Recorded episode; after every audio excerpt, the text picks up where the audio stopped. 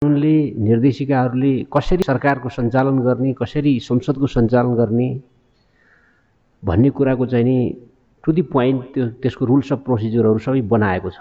हामी त्यति पनि कार्यान्वयन गर्न नसक्ने अदालतले पटक पटक आदेश दिनुपर्ने तिमीले मुख्यमन्त्रीको दरखास्त दिने यसरी हो तिमीले संसदमा के छ भन्दाखेरि त्यो प्रोसेसन चलाउने यसरी हो भनेर त्यो आधारभूत कुरामा पनि अदालतले पटक पटक भन्नुपर्ने। हाम्रो संवैधानिक संस्कृति र क्षमता यहाँनिर आइपुगेको जस्तो देखिन्छ।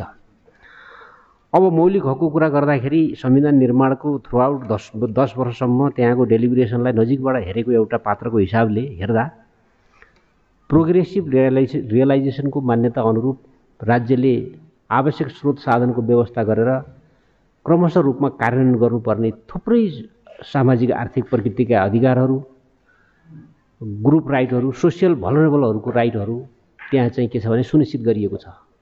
तर आज आठ वर्षको अवधि व्यतीत भइसक्यो कि सरकारले संसदले कति काम गरे त यसमा?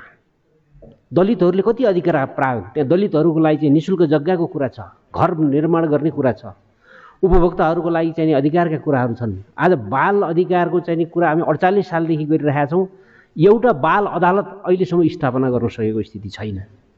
ठाउँ ठाउँमा यहाँ के कुरा उठ्छ? अघि पनि हाम्रो पूर्व सचिवज्यूले मेरो आदरणीय खेमराज रेग्मी भन्दै हुनुहुन्थ्यो कि न्याय पनि ढिलो भयो उहाँले भन्दै भन्दै हुनुहुन्थ्यो। न्याय ढिलो हुनका कारण के? यहाँ अग्रज हाम्रो आदरणीय कल्याण श्रेष्ठजी हुनुहुन्छ। दुई हजार एकसट्ठी सालदेखि हामी मुद्दाहरूको चाहिँ आयो पूर्व निश्चित गरेर यति समयभित्र हामी मुद्दाको फर्चौट गर्छौँ भनेर स्ट्राटेजिक प्लानहरू बनाएर हामी अगाडि बढेका छौँ। उन्नाइस अर्ब अहिले चालु रहेको स्ट्राटेजिक प्लानमा उन्नाइस अर्ब खर्च प्रक्षेपण गरिएकोमा सरकार अहिले पाँचौँ वर्ष हामी चल्दैछौँ सरकारले छ सात अर्ब पनि छुट्याएको छैन। भनेपछि न्याय छिटो छरितो कसरी हुन्छ? जनताले अपेक्षा गरे अनुसार चाहिँ के छ भन्दाखेरि न्याय सम्पादन न्यायपालिकाले आइसोलेसनमा कसरी गर्न सक्छ? यो समग्र कुराहरूमा पनि त यो संविधान कार्यान्वयनको कुरा सन्दर्भमा आउँछ होला। अब अहिले मौलिक हकको कार्यान्वयनको सन्दर्भमा सर्वोच्च अदालत मात्रै होइन उच्च अदालत समक्ष यो जुरिस्टिक्सन गएको छ।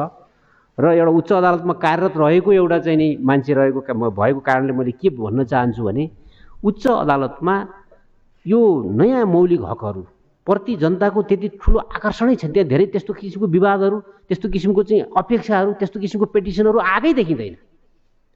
खालि चाहिँ प्रहरीले धरपकड गर्यो नगरपालिकाले धरप धरपकड गर्यो भनेर निषेधाज्ञाका केही कुराहरू बाहेक यो मौलिक हक यति महत्त्वपूर्ण यति चाहिँ के छ भने संवेदनशील हकहरू छन् त्यो हकको चाहिँ याचनाको लागि जनता आउनै सकेकै छैन।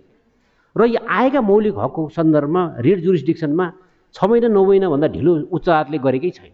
त्यो रूपमा न्याय निष्पादन हामीले गर्न गरिरहेका छौँ। तर त्यो फैसलाको कार्यान्वयन गर्न पनि अब अवहेलनाको निवेदन लिएर आउनुपर्ने भयो।